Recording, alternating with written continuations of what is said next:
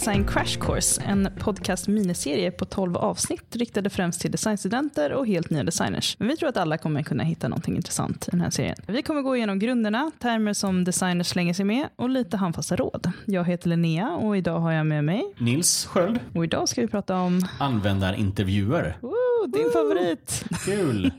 Det var roligt.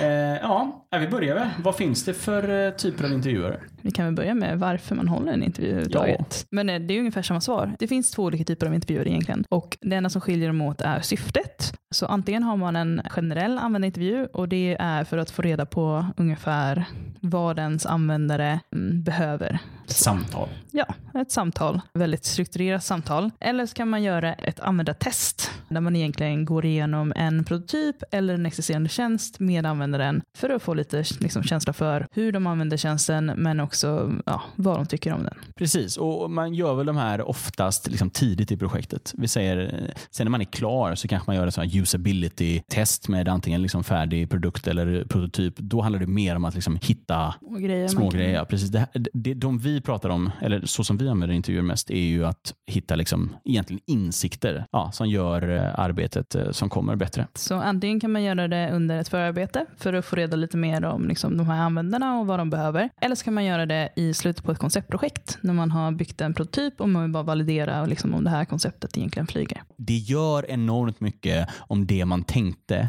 visade sig vara sant. För, mm. nej men, Okej, men, nej, men för, jag, ger det inte väldigt mycket om det du tänkte också visar sig vara falskt? Jo, okej, okay, även, ja. det, även mm. det. Eh, så här, jag är som alla vet inte världens största fan av user research. Och inte på grund av att jag inte tycker att det ger något, utan jag tycker att den här, alla bara lägger upp det som liksom den heliga graalen, utan det har vi ingenting. Och det är liksom inte sant. Jag tycker ju, ja men vi har bråkat om det där mycket, liksom, men jag tycker att man, liksom, man kan hamna 80% rätt utan att kolla med någon. Men det som däremot som är en jävligt sunt grej är att kunderna tror inte på en. Och det ska de inte göra, för de ska vara skeptiska till en. Och om vi då kan visa att det vi sa var sant. eh, och, och okay. för, för användartester är det ett enormt bra bevis på att visa att man hade, man hade rätt. Eller eh, få fall, shit, vi hade helt fel. Tur att vi kollade det här innan vi började bygga. Ja, men exakt. Men när man går in i ett arbete så har man oftast en del kvalificerade hypoteser. Och Det beror på liksom hur bra man känner till användarbasen också. Du går in med liksom en hypotes och sen så genom en användarintervju eller genom ett användartest så kan du validera den hypotesen. Så se om den är rätt eller om det är fel. Precis, och det, där har du en bra poäng. Alltså, om det är en målgrupp som är väldigt långt ifrån en själv, då är, gör ju eh, användarintervjuer och användartester blir än viktigare. Det är klart att när vi jobbade för, när vi åkte till ett asylboende och gjorde användartester där, det gav ju jättemycket såklart, för där visste man ju inte. Eh, Medan ja, om vi ska göra en playtjänst, ja. ja. Det beror på vem vi gör det för. Men exakt, om det är någonting som man själv kan relatera väldigt starkt till så eh, är det ju oftast en mycket bättre gissning än om man gissar på någonting som man typ aldrig har gått igenom. Så är det. Okej, okay, då är alla övertygade om att det här är eh, en bra grej att göra. Då kör vi egentligen, ska vi börja från början? Hur säkerställer man att man får till bra intervjuer? Man förbereder sig jättemycket. Det är lite en röd tråd på allt här. Exakt. Men det finns flera olika saker man måste förbereda sig med. Det första är att se till att man har rekryterat användare till testet eller till intervjuerna. Här är det jätteenkelt att bli lat och bara så här, oh, vi kör på dem i kontoret. Och man bara så här, testar på sina vänner och grejer. Men se till att de som har rekryterat faktiskt passar in i målgruppen. Mm, se till att, alltså, att det är rätt typer av personer. Det kan inte vara folk som har en väldigt nära relation med dig för då blir det oftast inte seriöst. Och du ska ha minst minst fem personer och sen lägga till lite mm, backup-personer. För det är alltid åtminstone en som inte kommer och så en som är helt galen. Ja, alltså, men ta inte mer än åtta pers. Det här är en dag du ska göra intervjuer. Eh, om det inte är en extremt liksom, nischad målgrupp som du måste... Det, det, det, är ett väldigt begränsat urval så då, och de kan bara på vissa ställen. Ja, men då får du väl sprida ut det. Men liksom, försök att få en hel dag av intervjuer. Mm. Det är lättare för dig, för kunden och för alla egentligen. Ja, exakt. Man ska förbereda sig för att varje intervju kommer ta ungefär en timme. Boka in så att du har paus emellan, för annars kommer du vara skittrött slut på den här ja, dagen. Och det är också väldigt skönt att kunna göra... Alltså, eh, vanligtvis så har ni liksom, eh, nu hoppar jag för mig, men vanligtvis är det ju en som antecknar och en som intervjuar. Liksom. Det är jävligt skönt att kunna diskutera efter varje intervju kring liksom, insikter och, mm, ja, och kolla att man inte missat någonting. Mm. Och sen är också din, din idol eh, Nielsen Norman, nej vad heter han, Don Norman, som har sagt regeln för att man ska ha fem personer som säger samma sak för att det ska vara sant. Mm. Det är som eh, P1, spanarna, de måste ha tre exempel för att det ska bli en trend. Ja, okej. Okay. Ja, eh. säger Norman det, då är det ju rätt. ovanligt lite resistent i normen där. Jävlar, jag måste kolla om du har blivit sjuk nyss. Eh, Okej, okay, men i alla fall. Det, det, hjälper att vara på en plats där, man, eh, där som är relevant i testet. Så typ ska du intervjua folk om typ hur de beter sig i en eh, um, sambadskedja så kanske det är nice att göra det på en snabbmatskedja så att man får liksom hela stämningen från det. Kan man inte göra det så kan man alltid mm, lägga till lite props. Jag kommer ihåg när vi gjorde en användartest för Peak så hade vi med oss en jacka och liksom en galge med kläder. Precis, rätt person på rätt plats är lite av en eh, gyllene regel när det kommer till att välja intervjuobjekt. Säger man då? Ja. ja, ja, exakt. Ja, och sen eh, man ska vara minst två pers som du sa. Ja. Eh, och det är för att den som intervjuar kommer inte att höra någonting under intervjun. Den kommer bara fokusera på att intervjua. Så det går inte att anteckna och intervjua samtidigt. Är du bara en person, spela in det och säg till folk att spela in det. Precis, alltså alla som lyssnar har säkert haft samtal med en person som antecknar. Till exempel utvecklingssamtal har man ju det oftast. Det är ju helt värdelöst. Antingen så hör de inte vad du säger ja. eller så får man paus. Vänta, och så får man vänta i fem, tio minuter medan människan skriver ner vad man sa. Äh, men, eh, så, och, och, jag är inte människopersonen nummer ett, så jag brukar vara den som antecknar när jag är användartester. Och det, det är en superviktig roll. För att, eh, att, skriva ner vad de säger, fine, det är en grej. Mm. Men, men det är ganska bra att ha en, liksom en, en designer och kanske en ganska liksom, en relativt senior designer som gör anteckningarna. För då kan man hela tiden göra liksom, insikter och, se, och skriva footnotes kring vilka koncept som eh, valideras. Och det, det går jävligt fort om man har en person som skriver egna reflektioner i anteckningarna också och mm. inte bara skriver ner vad som sägs. För det är ganska... Exakt. Vad man vill fånga upp i anteckningarna är ju egentligen eh, de olika insikterna och de är ju inte alltid några saker som så folk har sagt utan det kan vara hur de beter sig, om de pausar när du frågar en viss fråga, eh, om de eh, har svårt liksom, när de använder eh, en prototyp till exempel, att de har svårt att hitta någonting. Det är saker som man ser snarare än som, som de säger oftast. Ja, precis. Och ingen, ingen är intresserad av ett eh, helt transkript av samtalet utan skriv ner bra quotes eh, och sen liksom, i generella termer vad som sägs. Eh, det är mycket viktigt med liksom, dina anteckningar under tiden än att skriva ner vad som, ja, exakt vad, som, vad, vad liksom, intervjupersonen sa. Mm. Och Som vi sa så är det här ett väldigt strukturerat samtal. Eh, så du har oftast ett intervjuskript förberett innan du eh, går in i intervjun. Och Det här är extremt viktigt för att försöker man bara freestyla hela intervjun så eh, kan det bli väldigt svårt. Precis, och det, det, det kan funka i ett eh, samtal eh, och, och, få insikter. Men det viktiga här är ju inte vad enskilda människor säger utan det är ju som vår gode vän Norman, det måste vara, det, alltså du måste få, det enda du ska presentera sen, vi ska gå till leveranser senare, men det är ju de generella sakerna. Det som fem pers sa, det är viktigt. Vad en person sa, det, det är helt irrelevant. Ja.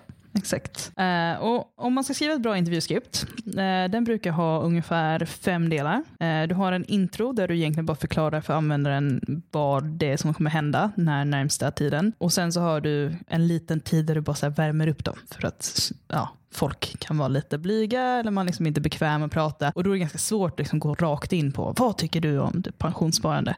Förlåt, ska man prata om de här grejerna eller kommer vi gå igenom dem punkt för punkt sen?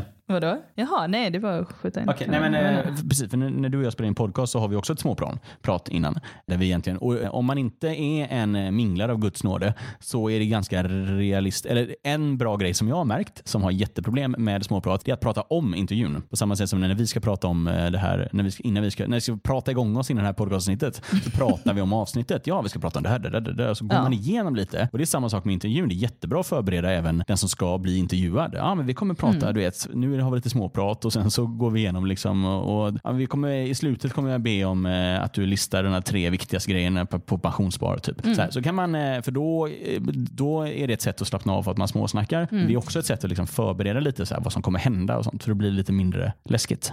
Yes, och en av eh, favoritsakerna som man kan börja med det är liksom frågor om lite om dem själva, vad de heter, bla bla. Det är också saker som man skriver upp som en så benchmark i, sin, i sitt intervjuskript. Okej, okay, men vi intervjuade folk som var i den här åldern, som var det här könet, som jobbade med det här. Så det är ett jätteenkelt sätt att börja intervjun. Ett tips som jag lärde mig tidigt är att man ska väldigt tydligt poängtera att det är inte en själv som har gjort designen som testas. Mm. Det, det, är det nästan alltid som man ljuger. Men att man säger jag är bara testare. Jag, eh, det är några andra på byrån som har gjort det här. Så man bara, okay, för att eh, människor är trevliga för det, mm. för det mesta. Eller så är de otrevliga. Eh, och då kommer de att eh, ja, säga att saker och ting är bra, även om det kanske inte är det. Om mm. de tror att det är du som har gjort det för att inte såra dig. Eller, det här har jag också varit med om flera gånger, så säger de att saker och ting är dåliga. Eh, även fast de inte tycker det för att de ska sätta dig på plats. Eh, och, om, och liksom, för att få bort den grejen, för då kan de ibland säga, men det, hälsa dem det, att du, de borde ändra det här. Och sånt, så att de, man får en liten så här, vi mot dem-känsla. Gemensamma fienden i de här jävla designerserna som har gjort den här prototypen som ska testas. Sitter man själv där och gråter efter eh, intervjun är över.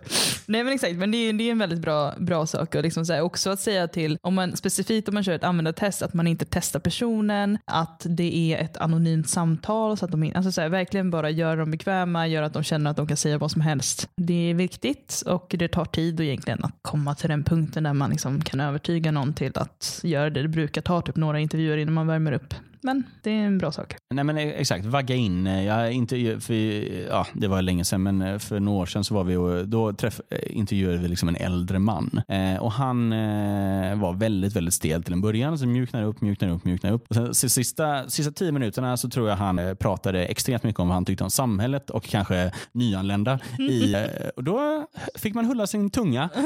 men sen fick vi väldigt bra insikter efter det. Liksom. Men, så man ska liksom vagga in dem, att man är kompis med dem.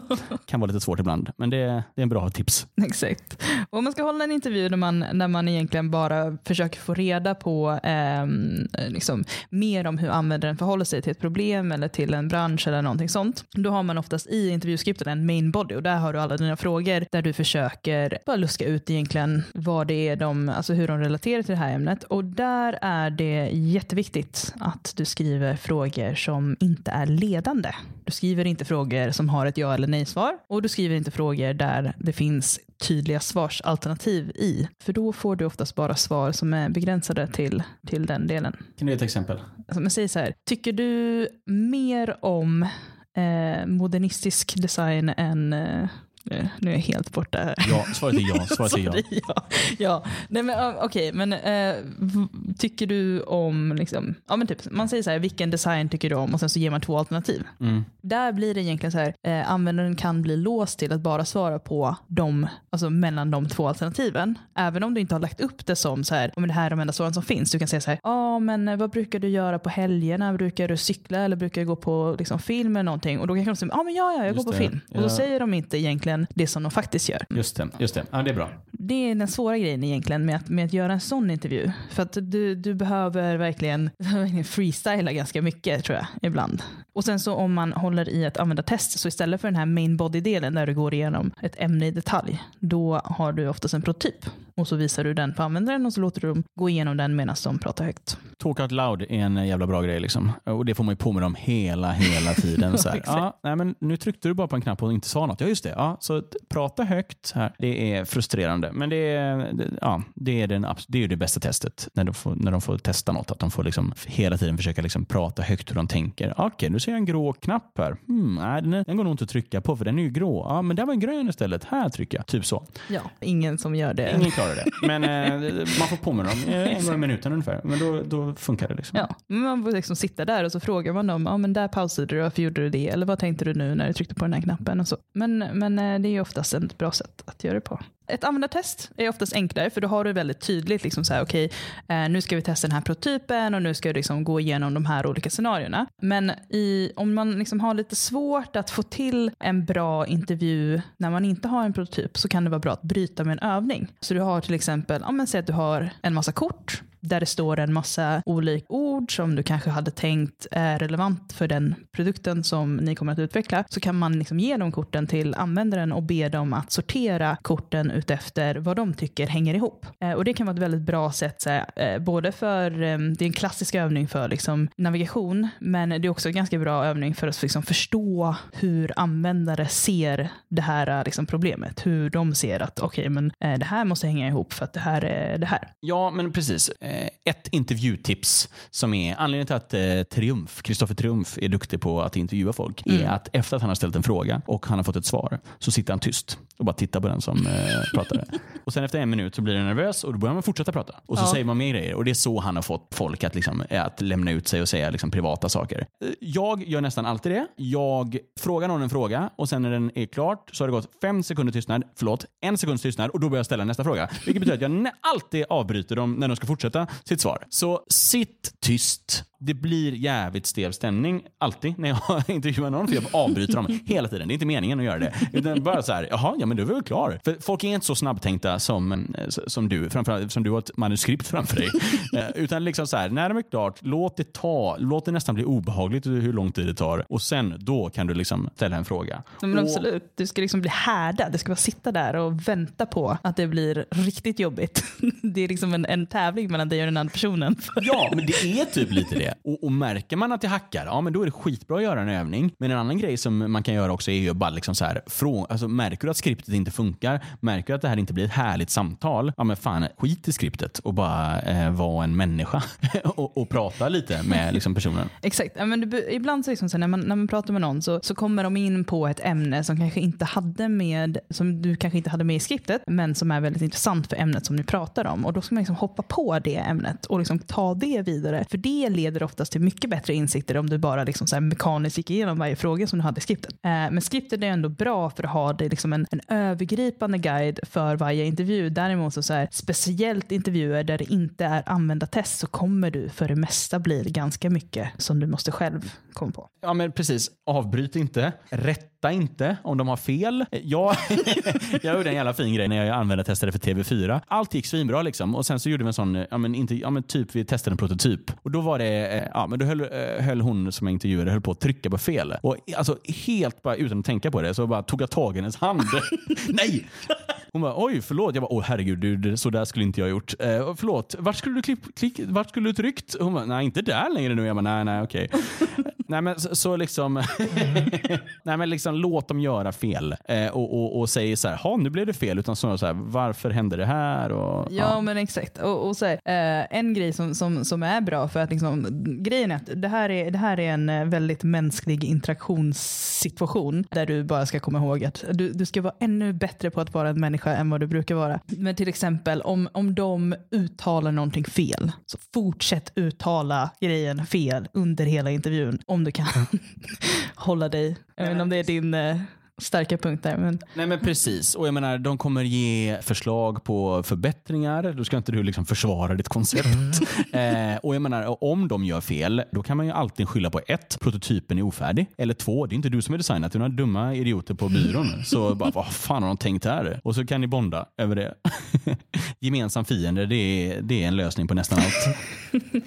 det är bra. Sen en, en grej som jag tycker om, som, som inte alltid funkar, men ibland, är att man har ett litet avsnitt avsnitt när man bara så spekulerar. När du är klar liksom med övergripande frågorna kring ämnet eller om du är klar med prototypen så frågar du typ så här, men vad, alltså, så helt väldigt stora frågor. Typ, vad tror du att framtiden för den här branschen kommer vara? Eller eh, vad tror du att det här kommer se ut i liksom, ja, om några år? Ah, intressant. Okej, okay, så det är liksom, ni kör en sån liten design sesh ja, på slutet. Fan vad nice. För det tycker jag alltid, det, det låter ju skitbra. För det tycker jag alltid är ett problem med att de ska komma med en massa förslag. Och så, ja. Det känns bara apart. och så här, De vill alltid hjälpa till och de vill ja. alltid så lista funktioner och ha en sån liten, så här, ja men fan, och så kan man ju liksom, för då kan man ju då diskutera, ja men det, det var en bra tips. Ja men exakt. Uh, vad, vad ser du i framtiden är en bra fråga, men också så här, om du hade oändligt med resurser, hur skulle du lösa det här problemet och liksom, vad ser du är det största problemet liksom, framåt och så. Så den är en väldigt nice grej. Sen ska man såklart avsluta, förklara vad man kommer göra med personens svar. Ofta säger vi att vi gör dem anonyma och så gör vi inte det. Nej, jag skojar. Men i alla fall, man ska förklara vad som kommer hända med deras svar vad liksom, eh, och sen ge, liksom, om ni har några avslutande frågor och sen se till att ge dem kontaktdetaljer ifall de vill kontakta dig efteråt. Ja, och sen eh, ska ni eh, presentera det här. Och jag menar, ibland så eh, pratar man med kunder och det är inte anonyma och då kan man ju liksom presentera vilka man har snackat med. Men det är presentationen jag ser på sådana här är det alltid för mycket fokus på vilka man intervjuat. En bra grej som eh, vi brukar göra det är vi har ett quote per person som typ förklarar vad det här är för typ av person. Det kan vara liksom förnamn, yrke och sen ett citat.